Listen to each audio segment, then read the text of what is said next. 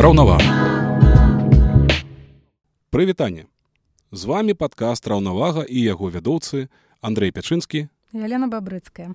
Мы асвятляем ментальнае здароўе і датычныя яго праблемы. У пошуках адказа на пытанне што рабіць калі вы адчуваеце што з вами нешта не так. У мінулых наших выпусках мы ўжо разабраліся з такімі паняткамі як ментальнае здароўе. Что такое псіхатэрапія псіхіятрыя і псіхалогія і якія спецыялісты займаюцца гэтымі кірункамі. Таксама мы пагаварылі пра тое як ментальнае здароўе ці праблемы з ім уплываюць на наше жыццё. Гэтым разам мы больш глыбока будзем разбірацца з тым что такое тэрапія что такое працэс тэрапіі. Мы сама як людзі якія былі ў розных відах тэрапіі можам крыху падзяліцца ўласным досведам про тое на што гэта падобна што нагадвае сам працэс як гэта лекаванне якім чынам працуе. А таксама пры дапамозе эксперткі разбярэмся у відах псіхатэрапіі і метадах якімі карыстаюцца спецыялісты.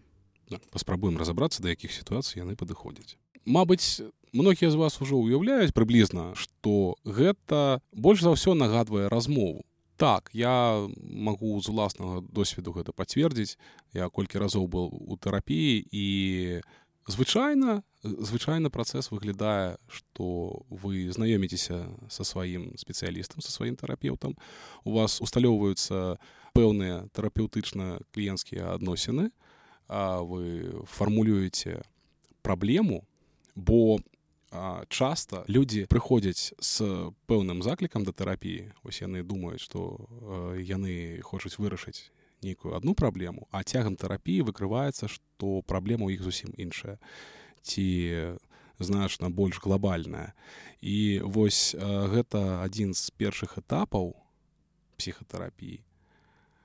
А пасля гэтага э, пачынаецца уласна працэс які цягнецца даволі доўга. Гэта месяцы калі не годы у некаторых выпадках. Звычайна одна сесія займае недзе 45 хвілін ці гадзіну ці паўтары гадзіны. Гэта залежыць ад канкрэтных абставін. Напэўна варта яшчэ дадаць что тыпы тэрапіі таксама бываюць розныя. Бываюць індывідуальная і групавая тэрапія ну тут усё зразумела з саміх фармулёвак. Індывідуальная гэта непасрэдна з адной асобай. Групавая гэта можа быць ці нейкі там групавыя сустрэчы заняткі альбо унутры сямейная напрыклад. У мяне быў досвед групавой тэрапіі гэта былі вельмі цікавая такая штука як групавыя сустрэчы прысвечаныя пэўнай тэме калі вялікая колькасць людзей ну, адносна там больш нават за 5 чалавек збіраюцца і па-першае займаюцца самадаследаваннем у адмыслова да тэрапіі сфармаваным калектыве і хочуць удасканаліць ці разабрацца з пэўнай сваёй праблемай. А, што дае такая групавая тэрапія па-першае ты разумееш што ты такі не адзін то ты можаш паглядзець на тое як тую ці іншую праблему вырашаюць э, людзі А ці не замінае гэта уласна твайму накірунку. Вось ці, ці, ці не замінае гэты агляд таго як працуюць са сваімі праблемамі іншыя людзі вырашаць сваю. Ну па-першае гэта не нейкае сістэмнае вырашэнне пэўнай праблемы а такія адначасныя сустрэчы для хутчэй ну, інсайтаў можа быць інсайтаў так не для таго каб ну з адной сустрэчы ты не вырашыш ніякую праблему ну, у цябе не была. Але гэта дазваляе адчуць сябе неяк троху па-інакшаму бо гэта часта не гэта нейкія такія трохі арт-тэрапіі трохі нейкіх тэхнікаў цікавых гульняў ну і гэтак далей. То бок гэта нейкі такі фармат які часто ананімныя алкаголікі? Ну дарэчы дарэчы не, не ну, на, без жартаў. без жартаў гэта а, вось а, вы пэўна бачылі ў розных фільмах ці серыялах як э, ілюструюць сустрэчы ананімных алкаголікаў і гэта па фармаце па фармаце гэта вось класічная групавая тэрапія так адзін адзін з яе відаў. Яшчэ цікавая рэч зараз людзі які хварэюць на пэўную праблему не толькі алкаголікі напрыклад хворыя на анкалогію таксама маюць такія э, групавыя сесіі. Я нават памятаю дзе такія былі э, у байцоўскім клубе. А такое яшчэ магу прыгадаць у фільме вінаватыя звёзды вельмі папулярны за сваім часам янга далт фільм і кніжка дзе яны збіраліся і якраз э, дэманструючы свой досвед спрабавалі перадолець гэта. Таксама да групавых тэрапію адносіцца сямейная тэрапія а партнёрская тэрапія ну таксама якая можа быть там сямейная ці тут я бы падзяляў бо все-таки групавая тэрапія і сямейная тэрапія маюць дастаткова розны фармат так. і розныя мэты. Але ну але гэта ўжо не індывідуальная тэрапія тому что тут некалькі асобаў адзін псіхтэрапеўт які выступае ў ролі медыятара які ну, не чакайце што стане на бок кагосьці з вас які у выступае у ролі чалавека які дазваляе вам умоўна кажучы перакладаць адно адному тое што вы хочаце сказаць але на таких больш спакойных танах які дазваляе вам паразумецца законш таго што ён адсочвае наколькі правільна вы зразумелі адно аднаго. Ну так э, то бок адначасова і перакладчык і арбітр. Нешта такого кшталту я уласнага досведу у групавой тэрапіі не маю. У мяне увесь час былі толькі разнастайныя індывідуальныя псіхатэрапіі у мяне такі досвед ёсць я на групавую тэрапію напрыклад хадзіла нават з маці чалавекам больш сталага веку для якой сам фармат тэрапіі быў вельмі незвычайны ёй было вельмі цяжка адкрыцца псіхолагу і зразумець што увогуле варта і патрэбна ёй расказваць. Бо няма звычкі няма звычкі дзяліцца. Пра гэта мы таксама ўжо разважалі што вось асабліва у крыху сталейшых людзей такой звычкі няма. Яны прывыклі ўсё хаваць у сябе бо як гэта я чужому чалавеку буду пра сябе тут пра свае праблемы нешта распавядаць так. І в прынцыпе у нас было каля там трох-чатырох сесій пасля таго як я зразумела что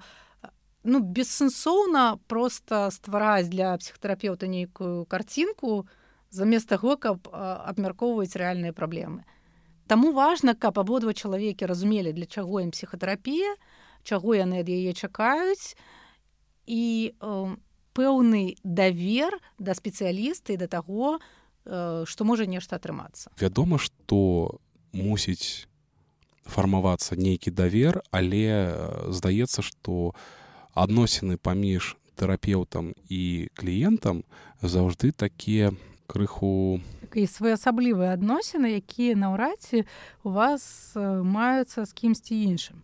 То бок гэта не адносіны сяброўскія гэта не адносіны працоўныя. Гэта новы тып адносінаў новы тып стасункаў які у вас ёсць з чалавекам якому з аднаго боку вы мусіце давяраць з іншага боку яны мусяць быць адносна фармальнымі і не эмацыянальна заражанымі. Так і тэрапеўт не павінен ніколі уплываць на ваше жыццё наўпрост Таму калі вам сябры кажуць ці мама ці партнёр навошта ты ходзіш да гэтага псіхолага? Ты так і са мной можаш пагаварыць? То гэта не так. Ты не можаш пагаварыць ні з кім каго ты добра ведаеш. І вось яшчэ напрыклад калі ты даўно знаёмы з пэўным псіхатэрапеўтам то лепей табе да яго не хадзіць менавіта як да лекара бо гэтыя адносіны якія ў вас ужо склаліся будуць замінаць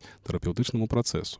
Я спрабую зараз галопам па еўропам апісаць як як выглядае псіхатэрапія. Лепей мы з гэтым пытаннем як выглядае працэс тэрапіі як ён пачынаецца колькі цягнецца і што яго цягам адбываецца з гэтым пытаннем мы звернемся да нашай эксперткі псіхалагіні і гештальт-тэрапеўткі паўліны кавальчук. Для кліента гэта просто там размова якая можа быць не заўжды мае акрэсленую структуру апроч таго што там прывітанне як вашай справы і ўсяго найлепшага як вы себе адчуваеце то бок ці мае нейкую структуру сесія для псіхатэрапеўта так канешне мае структуру сесія для псіхатэрапеўта па-першае мы кажам пра псіхатэрапеўтычную пазіцыю А то бок гэта не з'яўляецца нейкая размова просто двух асобаў там добра знаёмых ці мала знаёмых паміж сабой.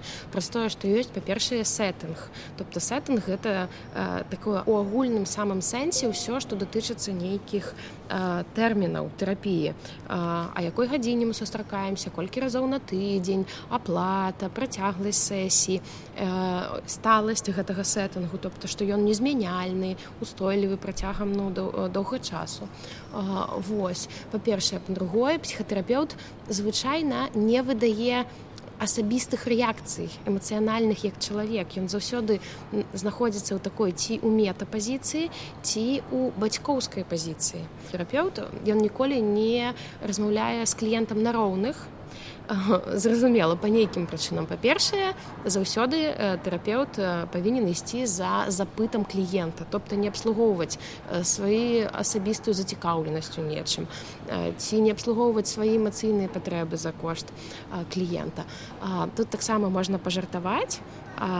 Мае вось выкладчыкі якіх я навучалася казалі што тэрапеўт на сесію павінен прыхадзіць выспаны наеты і натраханы тобто каб не абслугоўваць ні адну са сваіх патрэбаў за конт кліента і гэта нейкая такая важлівая рэч насамрэч простое что псіхатэрапеўт бацькоўская пазіцыя я спачатку пра сябе клапажуся і калі я ў добрым раўнавесным стане я прыходжу не на роўных як з партнёрам нешта там высвятляць а я прыходжу ў пэўнай пазіцыі каб абслугоўваць эмацыйна і часам так моцна кантэйніраваць кліента ну натуральна як малое дзіця часам. І канешне тут можна казаць такое вялікае пытанне падымаць пра этыку адносінаў і пра экалагічнасць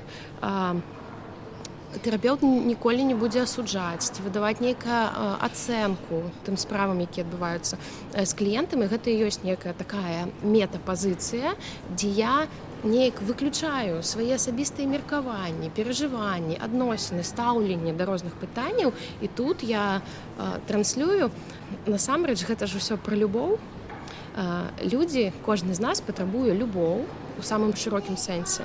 І калі гэтай любові не выстачае ў дзяцінстве ці ўжо ў дарослым узросце мы ўвесь час пытаемся я неяк кампенсаваць і атрымаць. І гэта такая слізкая сцежка у залежныя сузалежныя адносіны калі немагчыма нейкім звычайным спосабам атрымаць любоў і мы яе ўжо нейкімі крывымі такімі патэрнымі паводзінаў будзем атрымоўваць як правільна сабе шукаць спецыялісты і зразумець папярэдне да непасрэднай першай кансультацыі што в прынцыпе гэты тэрапеўт адпавядае твайму запыту? Па-першае шмат кліентаў не ведаюць свой запыт калі ідуць у тэрапію. Тобто іх у жыцці нешта адбываецца яны разумеюць што гэта нешта ім неяк не падабаецца але яны нават не ведаюць што там у іх не так і вось што рабіць А, і тады просто запыт на тэрапію можа быць вось высвятляць гэты запыт.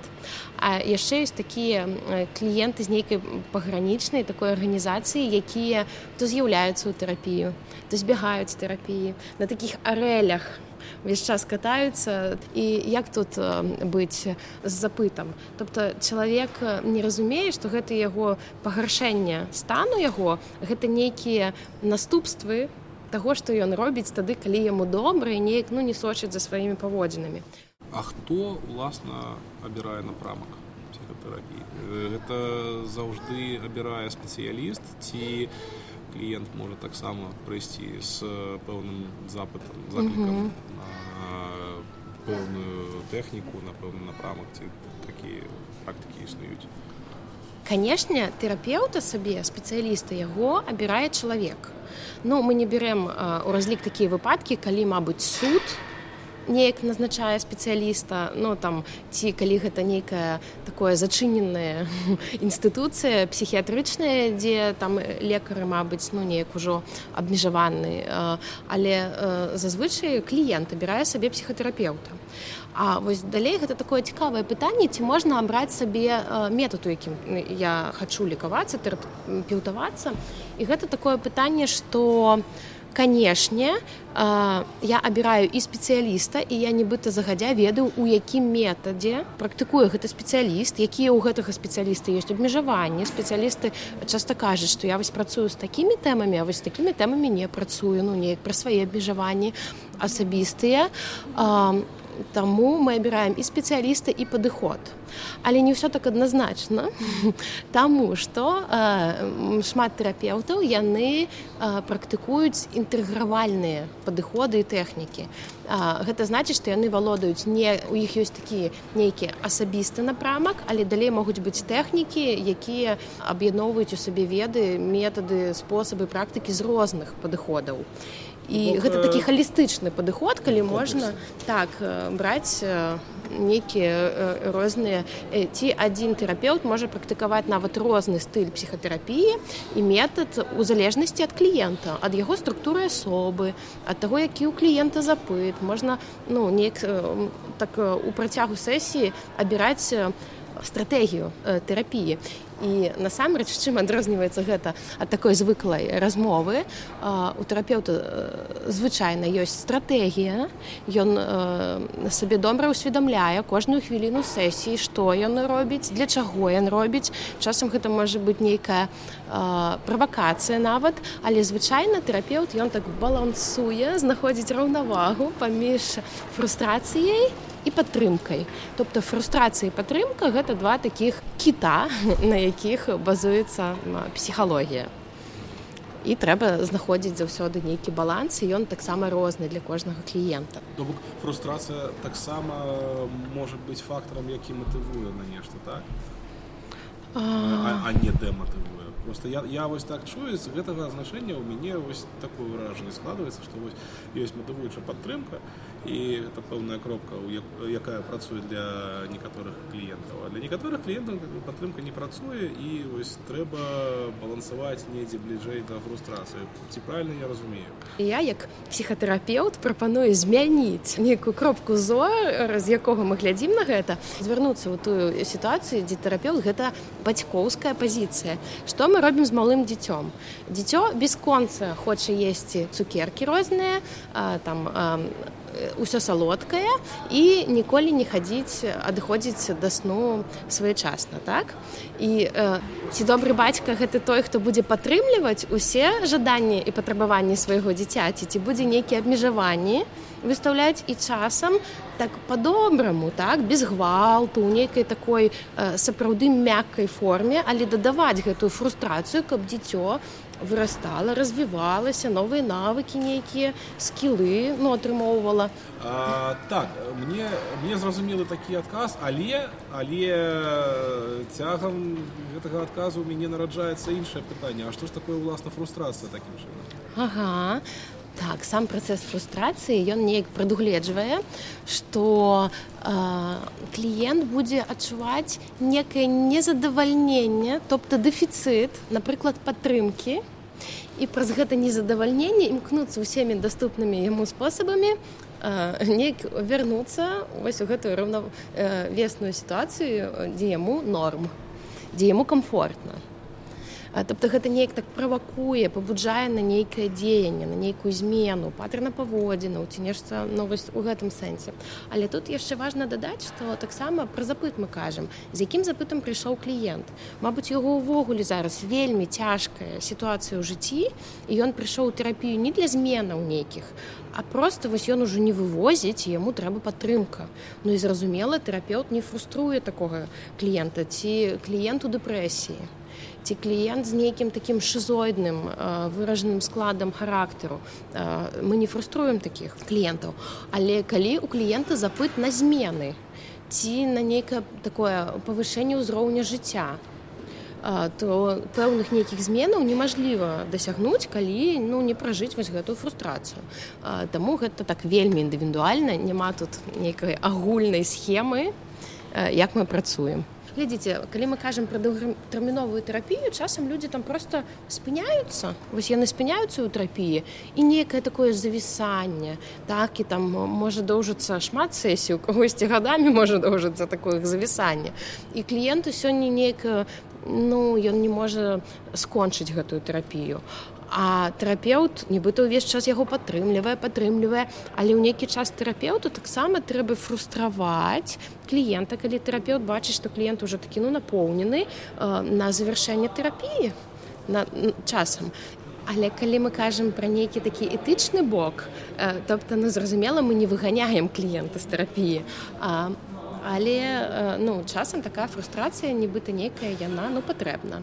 А, насамрэч для чаго для таго каб пазбегнуць у гэтай сітуацыі дзе я выключна бацькоўская фігура і э, калі скончваецца тэрапія такая доўгатэрміновая у псіхааналітычным ці ў гештальт падыходзе калі э, кліент выходзіць на пазіцыю дарослага тобто спачатку гэта заўсёды бацькоўская пазіцыя дзіцячая А у ідэальным выпадку тэрапія павінна скончыцца тым, што два дарослых тэрапеў дарослы і чалавек дарослы. І вось у гэтым сэнсе ну, нібыта ўжо немажліва там і партнёрства не можа ладзіцца праз сеттынг. А нейкія адносіны па-за партнёрствам ужо не цікавіць самого кліента. І ну вось такое насамрэч няёмкае пытанне вось ці варта э, трэшкі падталківаць кліента да скончвання тэрапіі ці не, але выводзіць яго гэтую дарослую пазіцыю гэта заўсёды нейкая фрустрацыя. Добра, а калі параду просіць э, кліент як будзе ага. вось у гэтай кропкі нельга двигацца далей пакуль мы не абмеркавалі розныя напрамкі віды псіхатэрапіі які існуюць Таму што абіраючы напрамак у кожным з іх ёсць пэўныя абмежаванні і пэўная такая праца якая адбываецца. І, і у розных напрамках это можа адбывацца по-рознаму Вось але так давайте пэўна акрэслім такія чатыры галоўныя напрамкі якія ёсць у псіхатэрапіі і з іх можам уже казаць у якую дысцыпліну пэўна можна звяртацца. Першае гэта псіхааналіз класічны псіхааналіз. З яго пасля выкрысталізоўваліся транзактны аналіз юнгіанскі аналіз і нават драматэрапія. Гэта доўга дорага і не ведаю балючалі але сапраўды там шмат фрустрацыі. Калі мы напрыклад кажам пра класічны псіхааналіз па-першае ён трывае 5-10 гадоў некаторых кліентаў. Гэта можа сапраўды цягам усяго жыцця ісці тэрапія. І калі мы кажам не пра кансультаванне пра тэрапію то гэта сустрэча чатыры разы на тыдзень нейкі парадокс але ў чым сэнс што па-першае з псіхааналізу ну тобто ўсё пачалося і гэта была такая першы напрамак а пасля ўжо ну нейкія адаптаваныя больш адаптаваныя да жыцця мадэлі з'яўляліся ўвесь час. І насамрэч я так гляжу што псіхааналіз гэта тэрапія для людзей якія па-першае маюць такі высокі ўзровень інтэлекту і гэта ментальная тэрапія выключна на ўзроўні асэнсавання. Ну там таксама пра пачуцці нават з целам асабліва не працуе гэты падыход. І псіхааналітык ён максімальна дыстанцыяваны ад кліента. Для чаго гэта робіцца? Каб усе ўсе магчымыя пераносы контрпераносы маглі быць на гэтага чалавека ну, не перанесены вось але гэта вельмі фруструючы насамрэч від тэрапіі А для чаго ён робіцца? Пэўна, людзі, якія ўжо шмат чаго пра сябе ведаюць і разумеюць, і якія сапраўды гатовыя да нейкіх глубінных зменаў у жыцці. І яны на ментальным узроўні ўжо добра сабе ўсведамляюць. У іх добрыя кагніцыі, усведамленне сабе, асэнсаванне жыцця, у іх добра нешта з дысцыплінай ладзіцца. І яны хочуць неяк дабрацца да свайго бессазнаўчага. Я маркую, што псіхааналіз гэта вось у сучаснай рэчаіснасці это праўда для такіх свядомых людзей, якія добра сабе асэнсоўваюць, ужо дасягнулі нейкі такі высокі ўзровень паразумення того ну як устроены гэты уладкаваны гэты свет што вакол іх адбываецца і яны просто зацікаўлены гэта пра нейкую такую самакаштоўнасць яны зацікаўлены ў сябе ў сваіх працэсах з нечым хочуць разабрацца другая гісторыя гэта калі у кагосьці вельмі вельмі цяжкае складанае дзяцінства напоўненае шматлікай колькасцю траўматычных здарэнняў. і на ўзроўні кагніцыі нават на ўзроўні там цела можна ўсё вылікаваць але вось у псіхааналізе такія важлівыя паняцці гэта перанос і контрперанос. Перанос гэта тое што я перад сабой бачу не жывога натуральна чалавека які ён ёсць а я на яго праектую ўсе свае страхі ачакаванне дэфіцыты ну тобто ён для мяне такі белы чысты ліст і я яго надзяляю усімі сваімі негатыўнымі асацыяцыямі. І тэрапеўт гэта неяк вытрымлівае абыходзіцца з гэтым інтэрпрэтуе чалавеку і ён сам у сваёй галаве робіць асэнсаванне. Тобто тэрапеў для яго гэта такое люстэрка а, а другая важлівая рэч гэта контрперанос тобто гэта калі тэрапеўт ён ж не ўключаны ў кантакту яго няма цёплага такога добразычлівага контакта з кліентам. Ён такі назіральнік які што робіць тэрапеўт? Яго задача просто моўчкі глядзець назіраць а, слухаць і асэнсоўваць унутры сябе так нейкія пачуцці такое даставаць што я адчуваю побач з гэтым чалавекам на што няма ніякай прычыны у нас з ім няма ніякіх стасункаў ён просто прыходзіць і я з ім назіраю але у мяне ён у сваім нейкім фоне поле прыносіць нешта вось такое і што я адчуваю нават калі я бачу яго першы раз у жыцці і пэўна іншыя людзі будуць адчуваць тое самае з ім і тут мы кажам што вось як да гэтага дзіцяці ў дзяцінстве нават у немаўляцтве мабыць ставіліся бацькі ці нейкія апекуны блізкія асобы.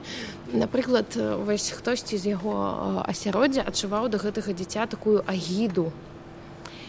І ну зразумела гэта ну нелагічна але дзіцё нібыта упітала у спосаб неяк прад'яўляць сабе ў свет вось гэтую агіду што яно прад'яўляецца свету гэтай агідай увесь час і усе людзі таксама будуць адчуваць да яго гэтую ну нейкая і гэта тое што немагчыма вылікаваць у кпт у нейкай кароткай тэрапіі. Тобто ён гэта неяк глубінна ў сваіх структурах носіць з сабою. Гэта, гэта ператвараецца на спосаб самаідэнтыфікацыі неяк так? так. Вось як я сабе прадстаўляю свет. І было такое даследаванне цікавае праведзена я на жаль зараз не памятаю аўтар эксперымента але у амерыканскіх турмах псіхатэрапеўты паказвалі відэа дзе просто людзі ну ведаеце так на вакзале на чыгуначным вакзале просто хадзілі свабодна і маньякаў сацыяпатаў якія ўжо рабілі гвалт ці там сексуальны гвалт прасілі азначыць асоб каго б яны абралі сваёй ахвярай.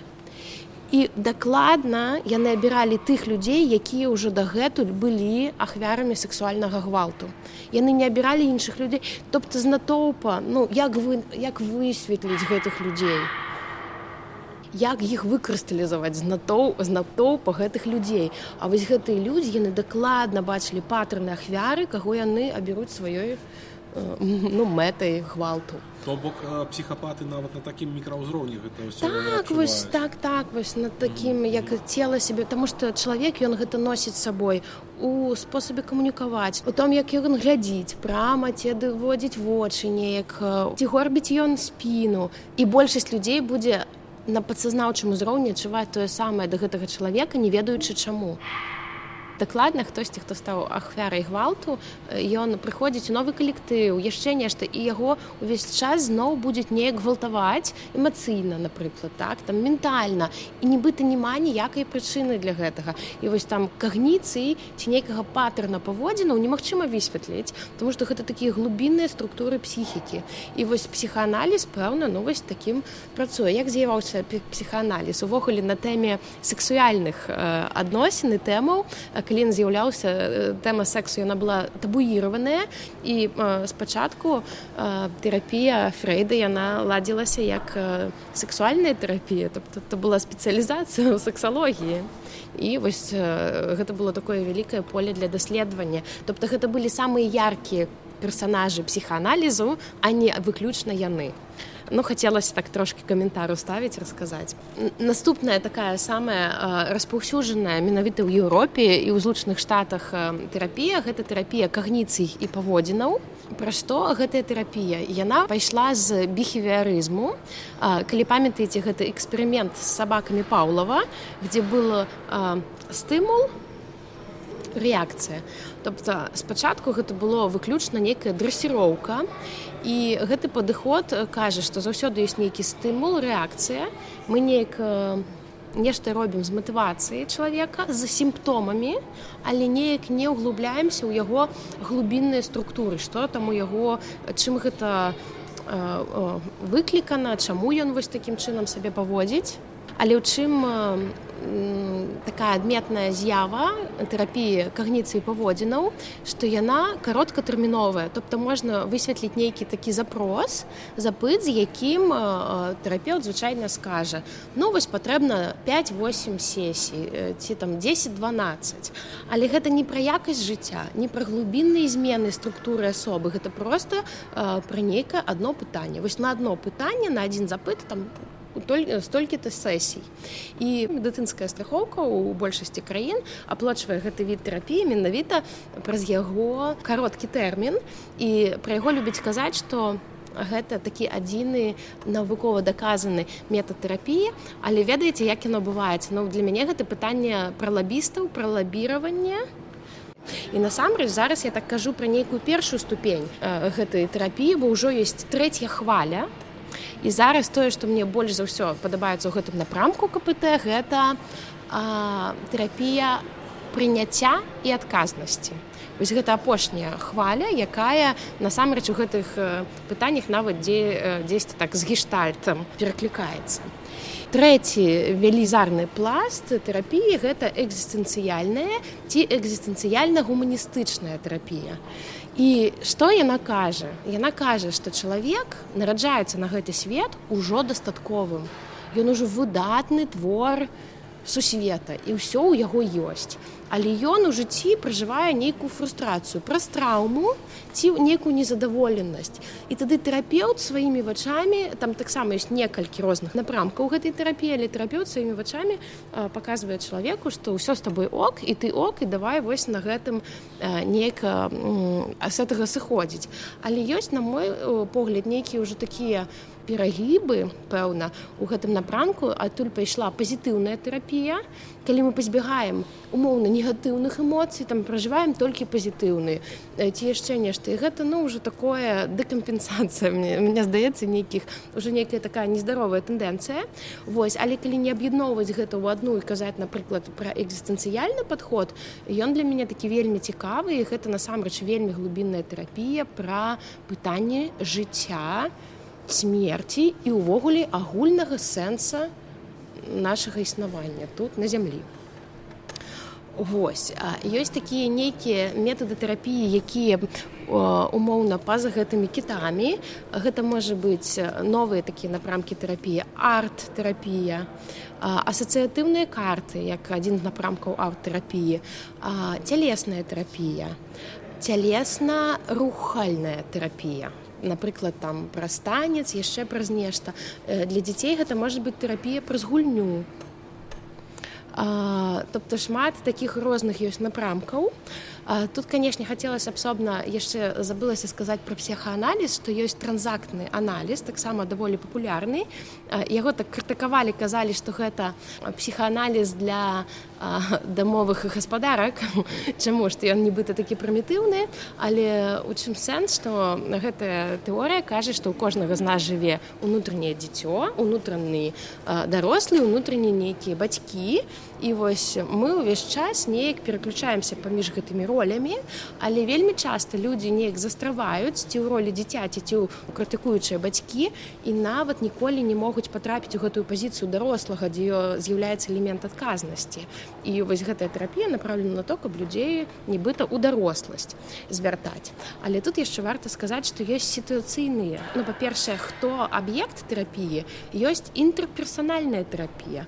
Калі я нібыта з сабой уже норм а вось з іншымі нешта мне не ладзіцца і спачатку я сябе даследаваў пасля іду ну вучыцца з іншымі камунікаваць ёсць групавая тэрапія ёсць сямейная тэрапія і як яе ну нейкі асобная напрамак парная тэрапія ці ўся сям'я як агульная сістэма ці парная тэрапія і гэта мы ўжо кажам пра аб'ект. Тобто мы выбіраем не напрамак а з нейкіх мэтаў каму патрэбная гэта тэрапія. Канешне для дзяцей таксама асобна ладзіць тэрапію і для подросткаў я чула што у UK у Англіі ёсць тэрапія асобна выдзяляюць неяк для людзей больш пажылога ўзросту але такі ці гэты эксперымент я так не зразумела праз тое што ёсць жа людзі у якіх ужо кагніцыі ну не вельмі добра працуюць і але з імі ну трэба неяк нешта ладзіць. І вось дарэчы чым вялікі плюс арт-тэрапіі і яна мабыць недаацэнена што у яе могуць ісці як людзі з вельмі высокім такім узроўнем ментальным якія добра маюць дотык да свайго бессазнаўчага метафор асацыяцый такі людзі які ўвогуле не могуць вербальна нават сабе ўсведамляць і нешта казаць тому што на мове сімвалаў і вобразаў колераў яна ну даступная нібыта дасягальная для ўсіх. Вось пэўна не расказала пра галоўную тэрапію для мяне ў мае асабістай практыкі, таму што я гештальт тэрапеўт і вось хочаце сказаць, што гэта за метад, чаму я яго абіраю. Гештальт тэрапія гэта насамрэч халістычны метад, які у адрозненне ад псіханаліза не працуе выключна з ментальным станам. Ён не працуе выключна з эмацыйным станам і ён працуе з ментальным з эмацыйным і з цялесным досведам чалавека і ён такі ў гэтым сэнсе інтэгральны праз гэта мне ён падабаецца у чым мне здаецца што гэта увогуле тэрапія пра якасць жыцця і пра такую цэласнасць мабыць пра свабоду нават. Галоўнае што ёсць ёсць фігура і фон фігура гэта усе нейкія важлівыя падзеі якія ці людзі там якія сустракаюцца мне на жыцці. А фон гэта просто такое быццё ну, тое што мяне асяроджвае і гэтая тэрапія мабыць вы чулі тут і зараз. Вось я тут і зараз і мае значэнне вось што тут адбываецца але часам мы неяк застраваем у фігурах і ўжо падзея прайшла а мы ўсю гэтую фігуру цягнем за сабой цягнем і не можемм яе аддаць у фон. І тады мы працуем з гэтым перажываннем але як яно зараз з намі ну як мы зараз яго асэнсоўваем усведамляем сябе і тады если гэта знакамітая закрыць гештальт. Гэта азначае фігуру адправіць у фон. Нарэшце пазбавіцца таго што там цягне нашу энергію неяк увесь час нашай думкі займае.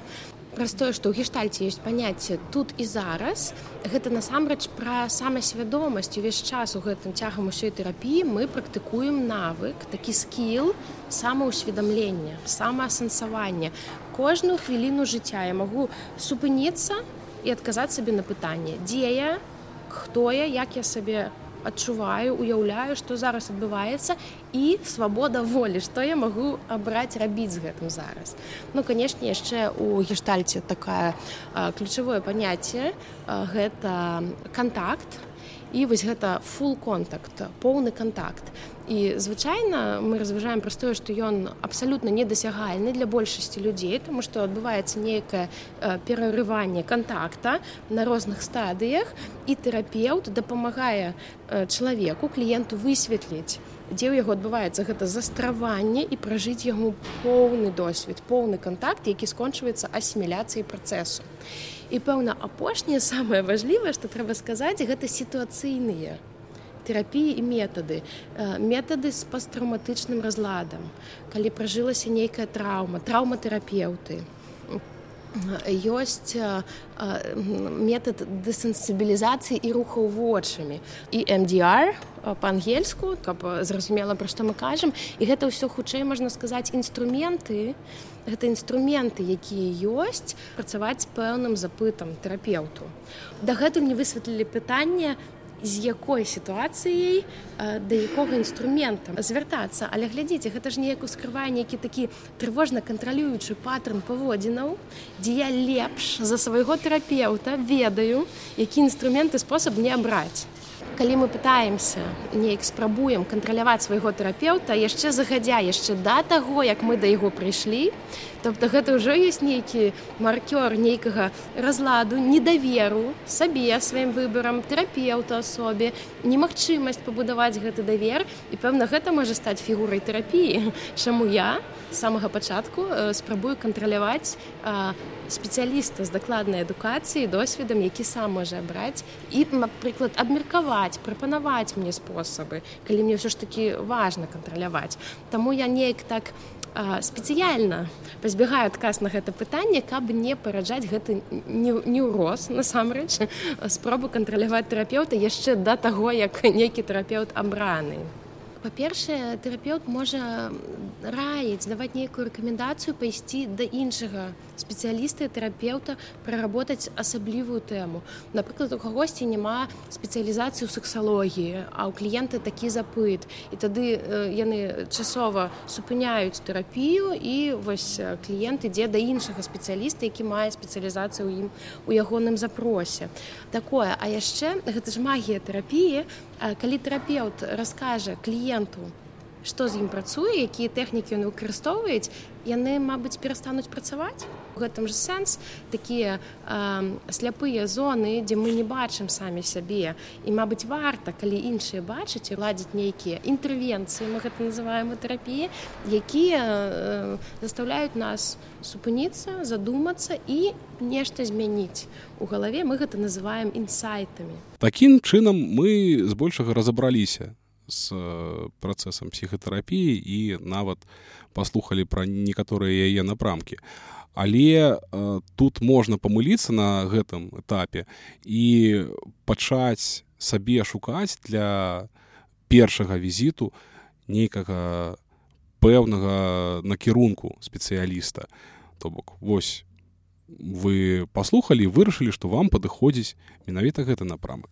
Гэтае пытанне я вам бы параіў ўсё-ткі пакінуць спецыялісту бо вельмі вельмі вельмі індывідуальная справа і звычайна вельмі комплексны падыход слова нашай эксперцы насамрэч я раю ісці да таго тэрапеўта які напрамак даступны у вашым рэгіёне. Калі ёсць шмат тэрапеўтаў з каго абраць калі нейкі э, рахунак по коштам вам падыходзіць вось на гэты рэчы больш арыентавацца праз тое што гэта ж такая доўгатэрміновая рэч. Вось мне пэўна сёння удалося акрэсліць што тэрапія гэта доўга.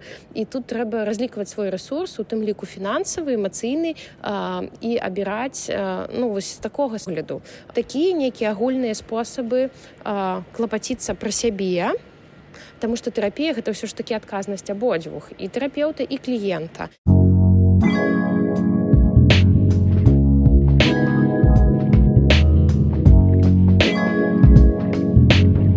Раўнавага